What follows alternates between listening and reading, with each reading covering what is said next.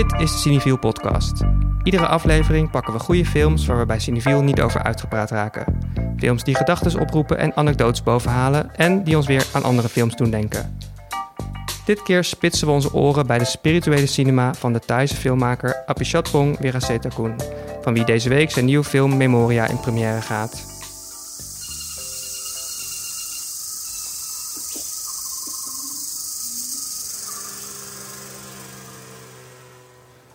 Mannen die veranderen in tijgers, overleden familieleden die als geest plotseling weer aan de eettafel zitten.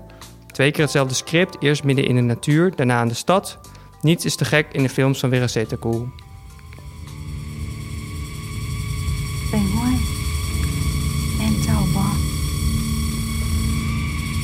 In Memoria draait het allemaal om het mysterie van een onverklaarbaar geluid. We volgen de reis van bloemenkweker Jessica, gespeeld door Tilda Swinton, die in Colombia op zoek gaat naar de herkomst van het gebonk.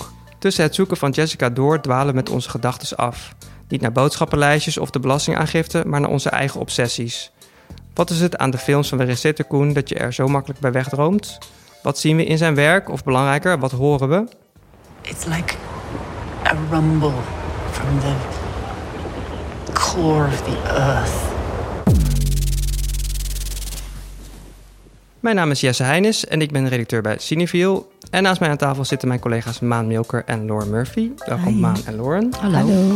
First things first, eh, we gaan het hebben over Apichatpong Weerasethakul. Misschien ook goed om te vertellen dat ik Memoria nog niet gezien heb en jullie wel. Spannend. Daar gaan we het zo over hebben. Mhm. Ik wil het eerst aan jullie, eh, aan jullie vragen, eh, omdat ik deze film maak heel erg associeer met slaap en, en dromen. Eh, straks wat meer over. Bij welke film zijn jullie voor het laatst in slaap gevallen, Lauren? Ik, ik, ben, ik val altijd in slaap bij films. Oh. Wat heel bijzonder is als je in de film werkt. Maar ik, in de research trouwens naar dit, eh, dit onderwerp kwam ik ook tegen dat... volgens mij bij de IFFR masterclass of soort van big talk... die hij heeft gegeven dat de moderator toen zei... dat iemand ooit had gezegd... dat is, als je in slaap valt bij een film... dan is het een testament dat je de regisseur heel erg vertrouwt. Dus ik denk altijd, ik vertrouw gewoon eigenlijk iedere film maken... want ik val heel vaak in slaap bij Hoe komt films. dat? Ja, ik het oordeel heel nog wel eh, senang. vertrouwen? Nee, ja, ik kijk ze dus wel natuurlijk daarna dan nog wel vaak af. Ja. zo. Maar ik heb vooral in de bioscoop kan ik helemaal...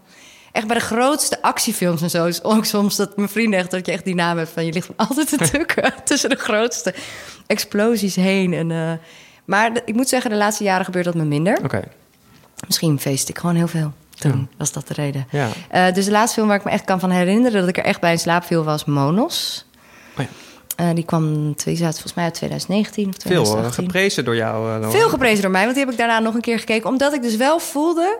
En dat is grappig genoeg ook een film die speelt zich ook af in de natuur. Speelt ook heel erg met die omgevingsgeluiden van de rivier en zo. Dus je kon, en met een soort sfeer. Dus je wordt ook in een soort hypnose gebracht door die film. Dus ook logisch dat je daar een beetje in, in meegaat. Het speelt zich ook af in een woud. Ehm tijdens een soort ja, on, ongenoemde guerrilla-oorlog. Eh, dus het is ook wel een beetje de bedoeling dat je daardoor gehypnotiseerd raakt. En ik weet nog dat ik die zag op het filmfestival van Berlijn. Ik was ook heel moe, want het was al dag zes. Maar ik had wel gehoord van dit is echt een bijzondere film. Dus ik wist, ik moet er eigenlijk bij blijven. Maar ik vond op dat moment juist het feit dat ik erbij in slaap viel een goed teken. Waardoor ik dacht, ik moet hem nog een keer kijken. Want ik werd halverwege af en toe wakker. Weet je wel, van die flar. Dan dacht ik, dit is nog steeds heel goed. ik daarna weer even in slaap. Ehm, ja, dus dat is de laatste waar ik me echt kan herinneren dat ik, eh, dat ik echt weg was even. En jij, Maan? Ja, ik val eigenlijk bijna nooit in slaap bij films. Het laatste wat ik me kan herinneren was House Moving Castle. Mhm. Gewoon omdat ik die echt in bed ging kijken. Zo van comfortfilm.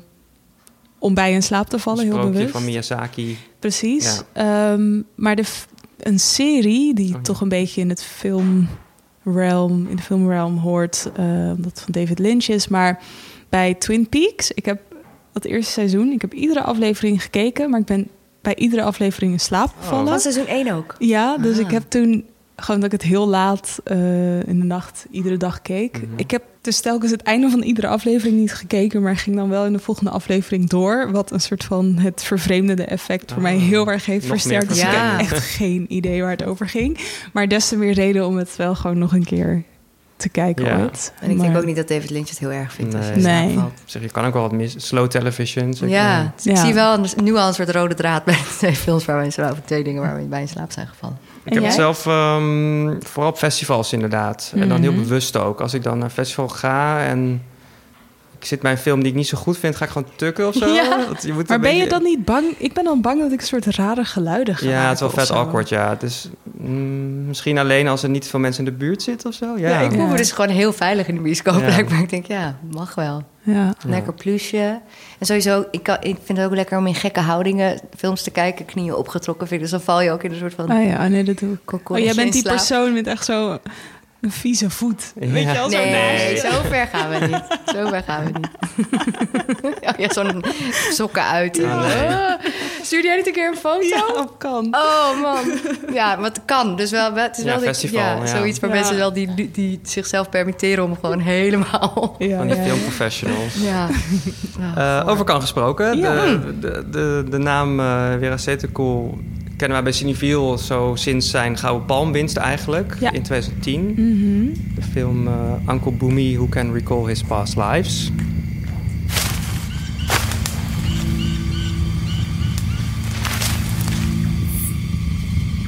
Jen, hm?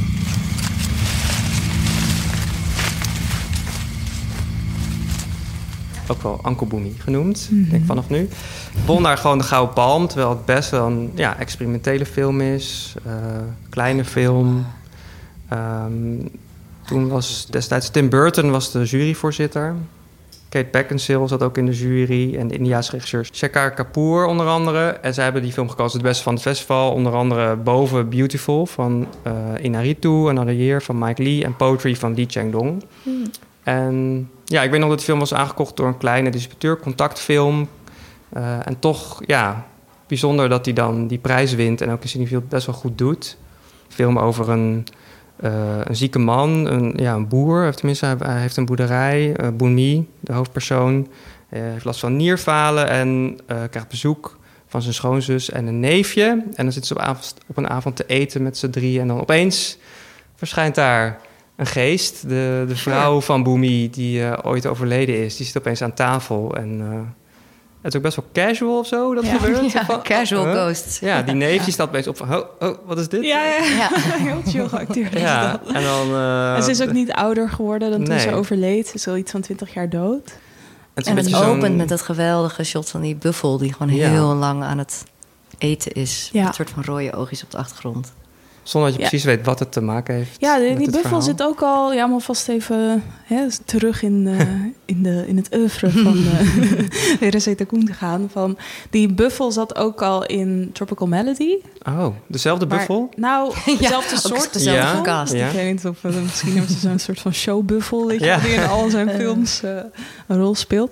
En daar zie je ook dat er dat een geest eruit treedt van die buffel. Het is Oh. best wel, ja, gewoon best wel expliciet Ja. weergegeven. Mhm. Ja, dus dat viel me wel op dat dat hier ook in zat. Ik zat me nog af te vragen of dat met elkaar in verbinding stond of niet. Dat, dit, dat die film ook een van de past lives was. Want veel acteurs ook uit verschillende films zitten Ja. in dezelfde films. Ja. Eh, ja, wat ik ook in de intro zei van ja, je, mensen die in tijgers veranderen, geesten die zomaar verschijnen. Ook eh, nog hetzelfde etentje verschijnt, verschijnt er ook een, een, een aapgeest aan tafel. Wat dan weer de, de verdwenen zoon is van Mhm. Boemi. Er gebeuren hele... Dan vraagt ze zo classic. Van, waarom heb je je haar zo lang laten groeien? Ja. Gewoon als allereerste ding als je een aapgeest Ja. ziet. Maar dat geeft wel aan, eh, wat denk ik heel mooi is aan, aan zijn films. En wat aan de ene kant heel erg... waar- Waardoor ik ook denk dat het zo aansprekend is. Mhm. Voor toch een breed, breed publiek. Aan de ene kant is het heel erg eh, cultureel bepaald. Dus het gaat heel erg over eh, ja, een bepaalde vorm van eh, spiritualiteit, eh, ideeën van reïncarnatie of van, hè, dus inderdaad past lives, Mhm. waar, waar energieën in zitten of geesten in dit geval, die, die terugkeren in verschillende gedaantes, als aapgeest, als gewoon jezelf van toen je overleed. En, maar dat het aan de Als andere geluiden. ja, als geluiden, maar dat het aan de andere kant zo erg wordt weergegeven als toegankelijk en als begrijpelijk. Dat Mhm. je niet die hele culturele bagage hoeft te hebben om te snappen wat er gebeurt. Omdat het eigenlijk heel ge- normaal... Ik ben mijn vingers tussen haakjes. Ja, dus inderdaad, van je ziet zo'n geest en het wordt niet met heel veel bombardie aangekondigd. Het is er gewoon. Ja. En dan inderdaad, juist door te zeggen van waarom heb je haar zo lang laten groeien, daarmee geef je aan hoe normaal het is Ja. eigenlijk. Mhm. Ja. Ook al ervaar je dat als kijker misschien niet zo, Ja, maar daardoor word je gelijk meegenomen in die realiteit. ja. En inderdaad, geluid. Mhm. is daar heel hebben? belangrijk in. Ja. Ik denk enerzijds, ja, het is heel toegankelijk, maar het is denk ik voor heel veel mensen ook juist iets heel nieuws. Als je dat niet kent. Weet je wel, juist die normaliteit, waardoor je er ook. Ik denk ook dat daardoor die films voor heel, voor heel veel mensen niet heel makkelijk te boksen zijn, maar een soort van. Je kan het ook moeilijk uitleggen, Ja. denk ik. Als je, als je voor het eerst daar kennis mee hebt, hebt gemaakt en moet uitleggen van waarom iets. Waarom iemand het dan toch moet gaan zien, omdat het is geen spookfilm. Nee, nou het is geen enge. Nee, precies. Dat is, het is zeg geen, maar. geen horrorfilm of zo. Het is wat mensen misschien in het Westen automatisch eerst met een Ja. spook Ja, want als je, als je bijvoorbeeld de trailer ziet van eh Uncle Boomy, die is best wel creepy of zo. Oh. Ja, maar de film zelf is dat eigenlijk helemaal niet zo. Nee, maar het, het speelt wel met bepaalde verbeeldingen die, die in meer westerse cinema inderdaad heel erg in de horrorhoek worden geplaatst. Bijvoorbeeld zo oplichtende ogen Mhm. of zo. Of inderdaad zo'n eng aapfiguur. Helemaal in het zwart, wat random. Maar hier heb je gewoon een soort van... Ja, we gaan op de foto ermee, weet Ja. je wel? Het is Ja. Een soort eh, coexistence. Ja. ja. heel casual. Ja. Nou, misschien ja, als ik het in een hokje zou moeten stoppen, zou ik zeggen, als ik zou willen uitleggen hoe ik het ervaarde, zou ik zeggen, het is een soort van droom die je ook ziet ontvouwen. Er zit ook in Boomy, maar misschien ook in andere, andere films van hem. eh, Een soort van random verhalen tussendoor. In Boomy zit er dan een verhaal van een, van een prinses, volgens mij. Mhm. En een- die dan seks heeft met een vis in een soort magische, bij een magische waterval. Zonder dat het heel erg wordt uitgelegd waar dat vandaan komt. En eh, in die hoedanigheid heeft Vera Settekoen ook in Rotterdam tijdens de IFFR, volgens mij 2018, een, een sleep cinema hotel opgetuigd. Waar je kon gaan slapen, omringd door filmbeelden en, en geluid, zeg maar. Dus hij, hij is daar dat jaar ook, had hij een, een, een interview, een publiek interview. En dat was ook ging heel erg over slapen, over dromen. Is het oké als ik bij jouw film slaap? Dat werd hem gevraagd. En zo is hij toen ook een beetje zo neergezet van de man van, van ja, sleep cinema. Maar eerder Dream. Ik vind Dream Cinema dan een mooiere omschrijving. Ja, en dat slapen suggereert een beetje van, ook ik ga iets anders doen. Of het- ja, ja. want hij, legt het ook, hij heeft ook uitgelegd van dat het ook, het- bijvoorbeeld zo'n een sleep cycle duurt 90 minuten. Ja. Dus voor hem is ook die soort analogie tussen cinema en dromen heel erg logisch en Ja. aanwezig. En daar, daar, volgens mij zet hij daar ook, hij maakt natuurlijk ook heel veel videokunst en ander soort kunst, meer op die ervaring in dan op slaap om uit te rusten per se. Of misschien ook wel, maar... Nou ja, het is inderdaad meer van misschien eventjes wegdutten... en dan wakker worden en dan het vermengen met wat je net mhm. hebt gezien. Ja. Eh, en eh, Maan, ik weet wel dat jij hebt... Ik heb het nu erg over die laatste films of de grote films. Je hebt ze allemaal gezien, begreep ik. Bijna eh, allemaal, ja. je een mooie dvd-box. hier aan tafel. Dus ik kan het al even opnoemen welke dat zijn geweest. Dat waren Mysterious Object at Noon. Dat is een debuutfilm.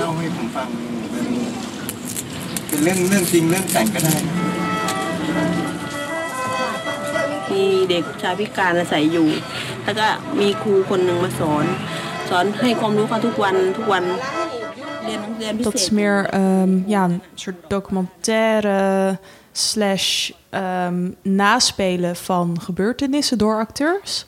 Eh, uit 2000 is die film. En het, ja, hij is van huis uit een kunstenaar eigenlijk. eh, zo opge- opgeleid. En dat zie je vooral in die eerste film heel erg terug. Dus daar speelt het heel erg met het medium film. Is in zwart-wit gedraaid. De film stopt op het moment dat de camerarol op was. En ze hadden toen geen geld meer om nieuwe camerarollen te kopen. Dus dat is ook gewoon Mhm. het einde van de film, zeg maar. nou, dat is wel eh, bijzonder, maar staat heel erg ja, vind ik best wel in contrast met de rest wat ik van hem heb gezien. En de echte signature begint wat mij betreft bij zijn tweede film. Blissfully Yours heet dat, uit 2002.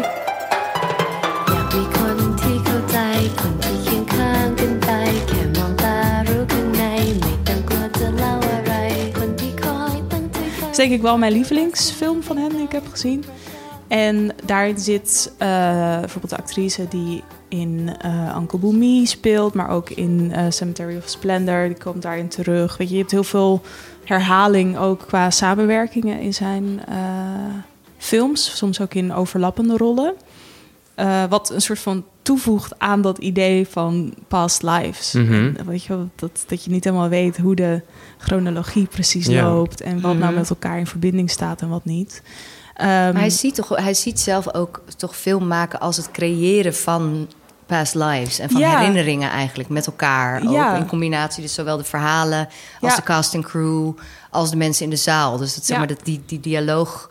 ja, hij wat dat daar heel erg van bewust. is dat in zijn eerste film wel heel aanwezig. Mhm. Omdat hij daar, wat nu in het documentaire landschap best wel populair is, dat je, dat je hoofdrolspelers iets laat fictionaliseren, weet je wel, uit hun leven of zo. Dat zit daarin en dat deed hij al in 2000. maar, Pioneer. Eh, maar ja, bij Blissfully Yours zou ik het meer omschrijven als een, ja, als een romance eigenlijk, de film. En wat ik zo mooi vind daaraan, dat zit in meerdere films, is hoe hij heel realistisch het niet geïdealiseerde beeld van liefde weet te vangen. Dus juist die Mm. momenten van niet een filmkus, maar juist een kus van oh je staat ergens en je wil gewoon even een kus geven of zo. Of hier heb je een hele mooie lange scène van dat twee geliefden in een veldje liggen, dus te, te dromen, te lantefanteren, niet echt iets aan het doen zijn. En dat dan op een gegeven moment eh, pakt de vrouw pakt de piemel vast. En dan, nou ja, in iedere film zou daar dan een soort van... zou het daar heel erg om draaien. Ja. Maar hier speelt ze er een beetje mee. Het wordt niet echt wat. chill. En dan, wordt, dan draait de camera weer weg Ja. daarvan. Terwijl je nog wel in één shot zit. Mhm. Eh, ik zou denk ik zijn film samenvatten als een soort experiment rondom aandacht. Ja. Dus hoe kan je precies iemand een bepaalde aandacht ergens voor hebben... zonder dat je het er helemaal dik Zonder oplegt. stuurt van, hier, Ja, erg, precies. Zonder van, je moet naar dit specifieke geluid luisteren. Of in plaats Ja. daarvan juist het meer laten gebeuren. Maar wel net genoeg je aandacht trekken om er wel op scherp te staan. Ja. En om wel te kijken van, oh, maar wat gebeurt hier? Ja. Heel veel grapjes. En in iedere film gaat het over ziekte.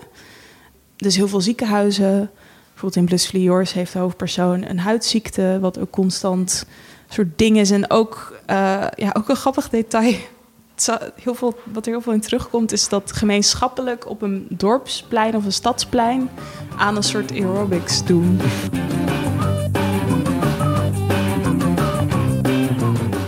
Dat zit ook in memoria inderdaad. Ja, Ja, ja. En dan met een beetje foute soundtrack, maar wel heerlijk. Ook om aan te geven dat dat spiritualisme, dat zit natuurlijk niet alleen maar in het zien van geesten. Dat zit ook in goed zorgen voor je lichaam. Mm. En ook bijvoorbeeld in Uncle dan zeggen die geesten ook van wij zijn hier omdat we voelen dat jij ziek bent. Eh, dus dat trekt ook als het ware die geesten misschien aan, omdat ze voelen dat hier een transformatie gaat plaatsvinden. Weet dat hij bijvoorbeeld over Memoria dan heeft gezegd... van het, is ook een soort, het gaat ook juist over dingen niet weten... of een soort tussenfases. Mhm. Ja, Als je net dan zo die liefdescène omschrijft... is het, net van de het gaat niet om de conclusie... het gaat Ja. eigenlijk om alles daar naartoe. Ja, Wat heel verfrissend is als je gewend bent om als, Ja. als publiek... of als Mhm. kijker ook soort van alleen maar cues te krijgen... van wat je moet voelen, wanneer... bij welke muziek die aanzwelt, bij wel, Ja. weet je wel. Nee, zeker. Ja. En ook bijvoorbeeld bij eh, Tropical Melody, wat wel, zou ik zeggen, naast Uncle Boomie misschien zijn meer bekendere film is van daarvoor. Daar heb je heel erg duidelijk een tweedeling. Dus één uur heb je één film eigenlijk. En de tweede uur heb je een heel ander soort film qua, na- eh, qua narratief. En ook daar in allebei heb je gewoon niet echt een hoogtepunt. Eh, hè, niet die piek waar je naartoe werkt. Maar het is wel heel erg ehm, ja, narrative heavy, om het zo te Ja. zeggen. Terwijl dat vaak wel anders wordt geclassificeerd. Weet je? Het is juist zo, oh, slow cinema, oh, daar kan je niks. inderdaad heel lang in slaap vallen... zonder dat je iets hebt gemist. Maar ik zou zeggen dat dat hier niet het geval Het is. is niet alleen maar sfeer of zo. Wat Nee, sommige en mensen ook- misschien denken als je denkt aan dat Precies, soort films. het zijn Ja. juist hele gevatte dialogen die Ja. grappig zijn. Ik vond dat dus gek genoeg, ik wil niks spoilen over Memoria... maar daar zit, een, daar zit een enorme zoektocht in. Maar er zit ook een soort conclusie... Mhm. waar je dan weliswaar van kan zeggen... oh, dat kan van alles nog zijn. Of dan kan je natuurlijk multi-interpretabel... maar ik vond het eigenlijk helemaal niet zo... Mhm. Het is best wel een, en ergens vond ik dat jammer. Dat ik dacht, oh, oh dus er, komt een soort, er is toch een soort antwoord. Ook al is het heel vreemd en kan je er alle kanten mee op. Maar Maken we je zo heel erg benieuwd naar de film? Eh, ja, nou ja, waar ik, waar ik vooral benieuwd naar ben, ook iets wat jullie eerder hebben verteld, is dat eh, bij Memoria, het gaat dus over een geluid. En eh, ik associeer uh, Resetecom met, met eh, crickets, met, met, met geluiden uit het bos, eh, kabbelende beekjes, misschien een vuur dat knettert. En ik begreep, in Memoria zit een, een heel, heel irritant of heel hard geluid in ieder geval. Wat, wat, Ja. wat kun je Ja. daarover kwijt? Wat, wat... ja, het- volgens mij is het ontstaan vanuit... Wacht, ik moet- oké, Tilda Swinton speelt een vrouw, Jessica... die iedere ochtend wakker wordt met een, een hele soort van bang. Om het maar even zo... Het wordt in allemaal, op, je kan het op allemaal manieren omschrijven. Mhm. Sommige recensenten noemen het een cosmic thud. Een, het hele punt is juist dat het moeilijk te omschrijven is. En Ja. zij heeft ook moeite met het te omschrijven, maar ze heeft er wel last van. Of in eerste instantie last Maar van. even op het spectrum van hoe vervelend het geluid Ja. is. het is geen tinnitus, het is een harde... Waar zeg maar de, de geluiden van het oerwoud, weet je, een soort van heel stabiel Ja. soort soundscape zijn, is dit echt het Echt tegenovergestelde. disruptive. Dus hier ga je echt niet hier word je echt, hier schrik je een ongeluk van wakker. zeg Oké. maar. Ja, zeker in de stilte van alles eromheen. En heel machinaal. Ja, maar ook een beetje aards. Of zo. Ja, ze- nou, Ja. Leuk, een hele mooie scène in de film is dat ze gaat proberen uit te leggen aan een sound engineer wat ze hoort. En het is gekomen vanuit eh, dat eh Wirasete Koen zelf eh, last had van insomnia, van slapeloosheid... en van iets wat ze dus noemen exploding head syndrome, wat dit dus is. Klinkt echt verschrikkelijk. Ja. Klinkt verschrikkelijk. Het was tijdelijk, het is stressgerelateerd. Maar je hoort dus... Hij legt het ook in interviews, vind ik heel mooi uit... als het hele punt is juist dat jij hoort iets... maar je weet dat het niet een geluid is. Het zit in je hoofd. Dus hoe omschrijf je a sound that only you can hear? Mhm. Ehm, en het mooie aan die film is natuurlijk dat het publiek het ook hoort. Ja. En zij ook. Dus je bent meteen met haar in een soort Oh, ja. in haar Ja. audi- au- eh, audiowereld eigenlijk. Eh, ja, en de rest van de film gaat ze eigenlijk op zoek naar wat dat geluid dan is. In eerste instantie door het te omschrijven. Daarna door het op te zoeken eigenlijk in, ja, op allemaal manieren. Dat gaan we niet spoilen. nee. Ja, het is wel grappig genoeg wel echt een film die je kan spoilen. Ja, wat, je dat niet, misschien niet betreft. zou verwachten bij zijn. Bij ja. Dus het is dat- ook denk ik in die zin ook misschien ook door Tilda Swinton wat toegankelijker. Ehm, ook weer helemaal niet, want alles komt er wel in terug waar we het net over gehad hebben. Ja. Maar wat wel mooi er ook aan is, is dat normaal gesproken in zijn films eigenlijk omgevingsgeluid is net een soort soundtrack. Dus het neemt een even belangrijke rol in. Het is heel erg minutieus, heel erg gedetailleerd. Dat is hier ook zo, dus de combinatie. Maar tegelijkertijd gaat dit ook echt over geluid. Ja. Oh, ja. Als je trouwens af en toe een klein geluidje hoort, dan is dat geluid. is dat kleine hondje wat bij ons op kantoor woont. Ehm, dus we, we doen real life talking about Ja. sound Ja, ja, hier. ja, ja, ja. Ehm, dus dat, dat is denk ik wel een verschil. Dus het, gaat, het geluid Ja. is niet alleen maar aanwezig als, als tool of als ding in zijn film. Maar hier gaat het ook daadwerkelijk daarover. En het, ik vond vooral die scène met die sound engineer echt zo Mhm. mooi gedaan. Ook hoe ze proberen dan samen te duiden hoe het klinkt. Ja, en want ik las in jouw research zitten. dat dat gebaseerd was op een Zijn dat- echte- ja, een ja. echte scène hoe hij dat zelf, hoe hij zelf ooit bij iemand heeft gezeten om maar dat te geluid te leggen. proberen uit te leggen wat hem zo dwars zat. Ja. Het is aan de ene kant zo ongrijpbaar, maar juist ook het komt zo hard binnen. Mhm. En dat vat ook wel heel erg mooi samen, denk ik, hoe zijn films in elkaar steken. Ja. In zijn eerdere werk eh, is geluid ook altijd heel aanwezig geweest. Mhm. Ook dat is zijn, zijn vaste geluidsteam. Ehm, hij heeft een, een sound designer waar hij altijd mee samenwerkt. Die heet, en dat ga ik waarschijnlijk helemaal verkeerd uitspreken, Mhm. maar Akricha Lerm Kalayana Mitter. En die eh, geeft ook aan van, het is eigenlijk als je met, met Willem Koen probeert een film te maken, dan is het een soort meditatie. Want ik moet op ieder detail letten. Weet je, dus je moet heel hyper gefocust te werk gaan om te proberen. Hij heeft het zelf ook over dat hij van zijn sound engineer heeft geleerd welke frequency hij tof vindt. Dat hij dat zelf niet helemaal door had, maar dat hij blijkbaar een hele specifieke frequentie heeft waar hij graag op opereert. Dat alleen al vind ik gewoon een heel mooi gegeven. Ja. Dat je als maker een soort your sound, ja, sure. Ehm, maar, Maar, daar noem je ja. inderdaad meditatie. En ik denk dat dat wel ehm, een soort staat is van bewustzijn... die in zijn films op zijn minst worden gefaciliteerd. Weet je, het is de vraag of je er ook echt in komt voor jezelf. Ik had dat zelf bij Memoria iets minder dan bij zijn vorige films. Ja. Maar dat kwam ook omdat er de hele tijd dus zo'n hard geluid Ja. was. Ja, dat is ook de bedoeling. Dat je daar- het is een beetje die Ja. bel bij de yogales. Ja. Oh ja, wow. Waar zijn we? Ja. Maar echt, ja, dat het soms haast een soort van geestverruimend werkt. In de zin van dat de tijd helemaal een ander perspectief brengt. Mhm. Dus films duren niet per se langer dan twee uur of zo. Maar Voelt je hebt echt het gevoel alsof je gewoon vijf uur lang zonder water ergens in goed. een soort boom hebt gezeten Ja. en naar de natuur hebt gekeken. Of juist helemaal door het geluid. onder bent gedompeld in de stad. Deels is een van de dingen die Ja. hij toe. Hij, zegt dat zelf ook wel als dat het voor hem geluid een soort ehm, wel een brug is, ja, een toegang naar, naar een soort interconnectivity of een manier waarop we met elkaar verbonden zijn. Omdat als je in zo'n staat komt, dan, dan iedereen reageert daar misschien weer anders op. Hij beschrijft het zelf als. eh, eh, some people might feel lost, questioning what they should do, but some people might tune in deeply and find they have a lot of things to do.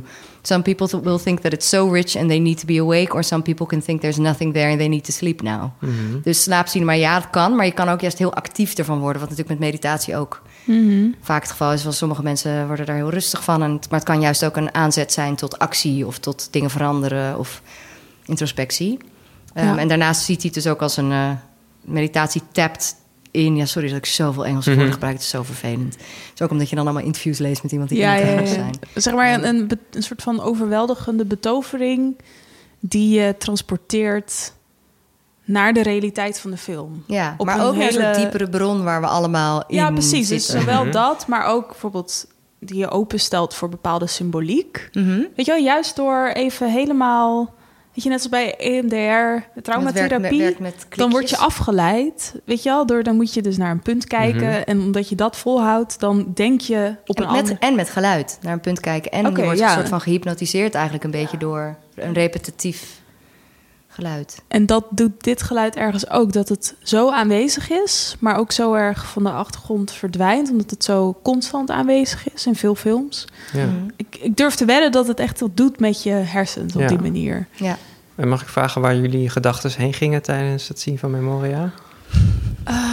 We hadden het daarna nog over. Ja. Of je wel of niet aan je boodschappenlijstje moet denken. Nee, ik zat echt diep in de zone. ik moest niet denken aan boodschappenlijstjes. Ik zat echt op een soort diep nadenken, hersenkraken niveau. Maar ik was het daarna ook weer best wel vergeten waar Ja, ik maar aan dat had is, gedacht. dat is die stroom, toch ook? Ook met meditatie is zeggen van elke gedachte die je hebt, weet je, laat hem voorbij gaan. Ja, Van kijk ernaar en ga er niet te diep. En dat, dat gevoel, ik, volgens mij dacht ik wel aan mijn boodschappenlijstje. Ja, Op een gegeven moment zei ik daarna ook, ja, shit, sorry. Volgens mij dacht ik wel aan mijn boodschappenlijstje. Shit, sorry. Maar ik heb geleerd dat dat oké is. Ja.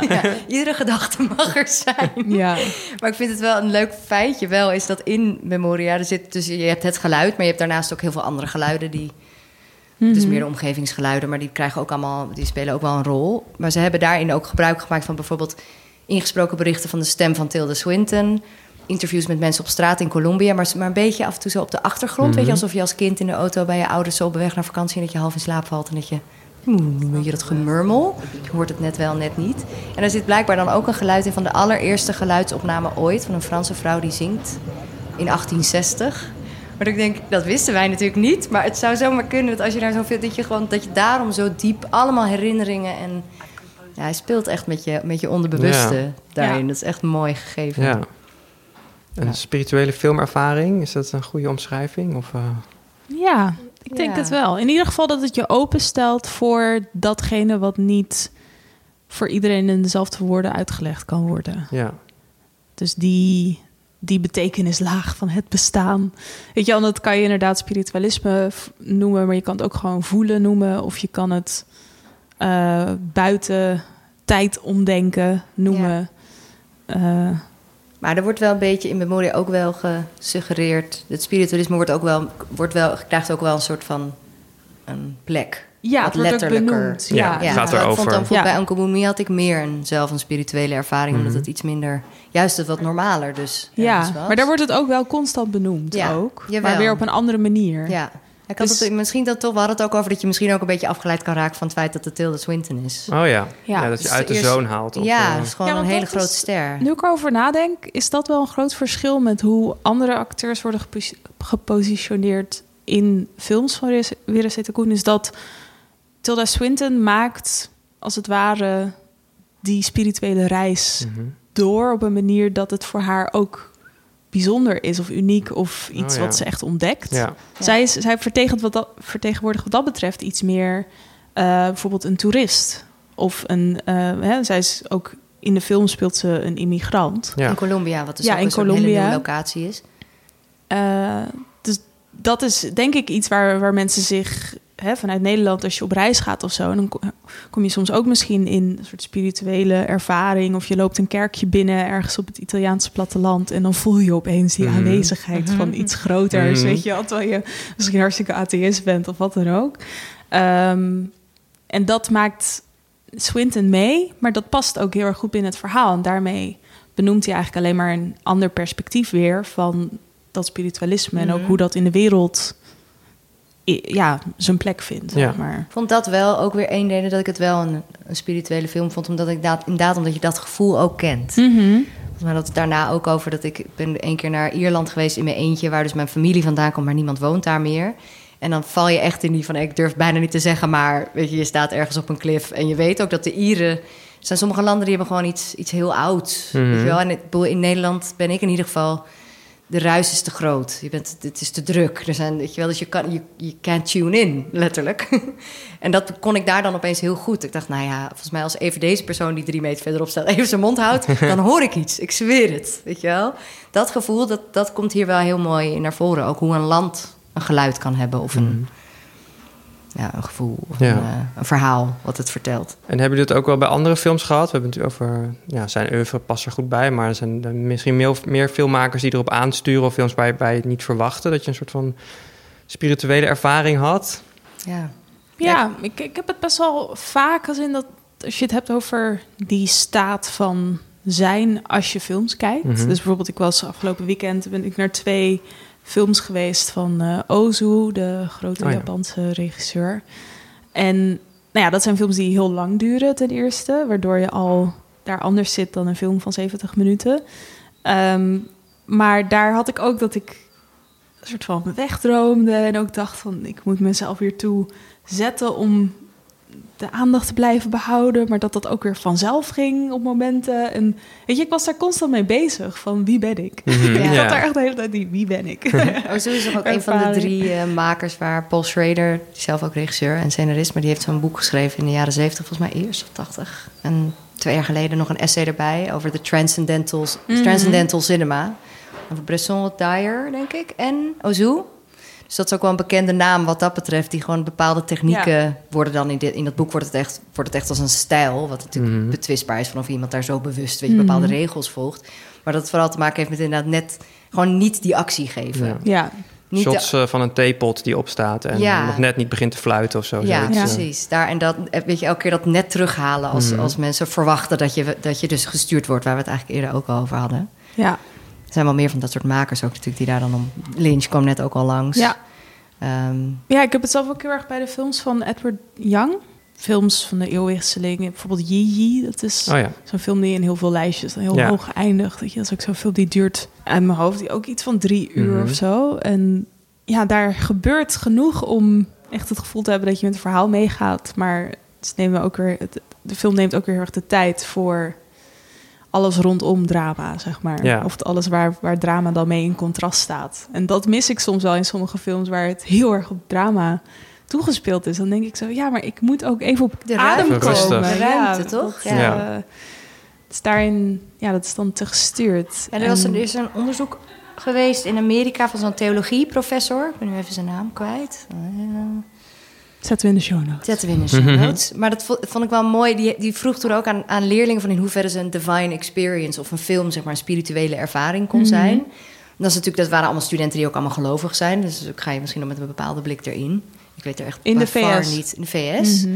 Ehm, en daar kwamen dan soort drie hoofduitkomsten uit. Van één was eh, dat iemand echt, dat mensen echt God in film hadden gezien. Maar eh, bijvoorbeeld in Easy Rider of zo. Weet je, van oh, die commune die daar dan in zat, was iemand zo doorgeïnd. Die zei van dat, is- maar dat is God. Ik ga dat opzoeken. En die is daarna gewoon zijn hele leven een soort hippie pastor gebleven. en dan had je mensen die juist heel erg een soort persoonlijke ontwikkeling en herkenning in dingen. Dus dat niet van ik heb niet God gezien, maar ik heb wel een, een ervaring gehad die mij als mens fundamenteel heeft veranderd. Dus een soort goddelijke spirituele ervaring. Of mensen die juist van, gewoon meer hebben geleerd over hun geloof. Doordat het een film over geloof is. The Last Temptation of Christ. Ja. Oh ja. Zo. Toen ging ik wel daardoor denken van... ja, wat is een spirituele ervaring? Kan natuurlijk zoveel verschillende dingen zijn. Ja, Volgens mij is die vraag is gewoon uiteindelijk iets heel persoonlijks ook. Of iets ja, zeker. Een spirituele Ja. ervaring. Weet je, het kan ook iets met dieren zijn. Of Ja. iets met juist humor. Mhm. Of juist... eh, ik, bedoel, ik was naar Avengers Infinity War met vrienden. Ik had nog nooit een Avengers film in de bioscoop op die manier gezien. Ja. dacht ik, dit is gewoon een soort kerkdienst. Ja. Iedereen kent alles. Iedereen is aan het schreeuwen en zingen en huilen naar het scherm. Wauw. Eigenlijk is ook een soort spirituele ervaring, maar dan met het publiek. Dus Ja. juist het communal... Ja, en ik denk ook dat nu een soort nieuw subgenre daarvan, wat heel veel populariteit heeft, is van die Netflix-documentaires over Facebook of over social networks of zo. En over hoe dat alles dan. is connected op ja, die manier. alles ja. is connected. En oh, we zijn allemaal trapped in the system. en zo. Dat kan ook een soort spirituele ja. ervaring zijn, omdat je dan daar voorbij probeert te denken. Ja. Maar de conclusie ook is van ja, misschien kan je daar wel niet voorbij denken, want we zitten zo diep. Je zit al in de trap. Ja, Ja. in Ja. de Matrix. Ja, zo'n film als The eh, Matrix, die voor, denk ik voor ook heel veel mensen Ja. inderdaad... Een, of zoiets als The Truman Show of dingen die Ja. gewoon opeens zeggen... oh, dit is de wereld die je denkt dat die was. Oh, en dat mensen daarna, wow, Wow. ja, toch niet, weet je wel? Inception, ouwe. Ja, nou ja, ik kan me voorstellen dat Ja. voor, voor bepaalde mensen een hele spirituele film kan zijn. Zeker. Of het hele fysieke, wat Ja. natuurlijk ook puur een fysieke ervaring die, waardoor je gewoon helemaal van de leg raakt. En Mhm. waar we het natuurlijk in onze allereerste podcast over gehad hebben. De meer tripfilms Ja. en dat soort dingen. Die visueel en auditief proberen. Mhm. Ja, waar uh, Weer Zitten Koen ook wel invalt. Ja, precies. Ja, wat, wat Ja. ik zelf had bij eh Weer Zitten Koen was bij Cemetery of Splendor. Zijn film uit 2015. Dat gaat over eh, militairen. Dat is ook een ding. Heel veel eh, oorlogsgerelateerde thema's. Is zo'n hele politieke Politiek, filmmaker ja. ook. Ja, ja. Ehm, maar die hebben een soort slaapziekte. Dat is natuurlijk ook voer voor heel erg veel verschillende... Weet je, in, in heel veel verschillende spirituele contexten komt dat terug. Dromen. Ja. Ja, Eh, slaap en de dood. Natuurlijk ook, heel- daar, daar Ja. gaat het ook in Memoria voor een bepaald deel. Komt dat ook even terug? Dat Ja. soort, Maar in Memoria heb je spelen. ook weer zitten Koens politieke visie. Hij heeft het veel over oorlog. Komt ook zelf uit het noorden van Thailand bij de grens met Laos, waar ook eind jaren tachtig, weet je, dat je daar de grensoorlog tussen Laos en eh, Thailand. Ik ben zelf, ik had familie in Laos wonen, toen ben ik daar ook geweest en ben daar ook bij Vientiane daaromheen geweest ehm, in de bossen. En daar had je dorpjes waar mensen van niet ontplofte bommen hadden ze tuinhekjes gemaakt, Ja. bijvoorbeeld. Hmm. Weet je wel, als in die oorlog, Vietnamoorlog, eh grensoorlogen, weet je, dat, dat volgt elkaar allemaal in zo'n korte tijd op. Dat dat land ligt aan de ene kant, de natuur ligt ook vol met ja, bommen en mensgemaakte destructie. Apparatuur, Mhm. zeg maar. Dat is zo'n raar contrast. En dat komt wel in zijn film naar voren. Dat je hebt dan iemand die zich zorgen maakt over het doodtrappen van insecten.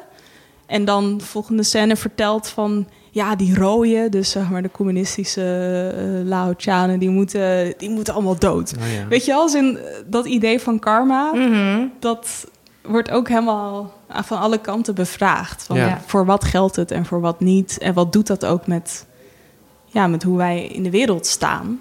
Hmm. Van wat je belangrijk vindt en wat niet. En eh, ja, in Memoria komt dat ook op een Mhm. bijzondere manier... wordt dat invoelbaar gemaakt. Of wordt daar een soort empathisch, eh, empathisch vermogen gekweekt... Om ook mee te voelen met het leed van anderen of zo. Ja. Op een hele expliciete manier. Ja, dit klinkt allemaal echt super Ja, missionary. Ja, nee, maar-. Atlantiek. We hebben natuurlijk ook een hele podcast over Atlantiek gemaakt. Ja. Waar ook een soort van de geesten de als, ja, ja. als tra- een trauma, een soort van ook die dingen en geschiedenis op die manier aan elkaar gelinkt zijn. Ja, Ook een hele spirituele film trouwens. ja, zeker.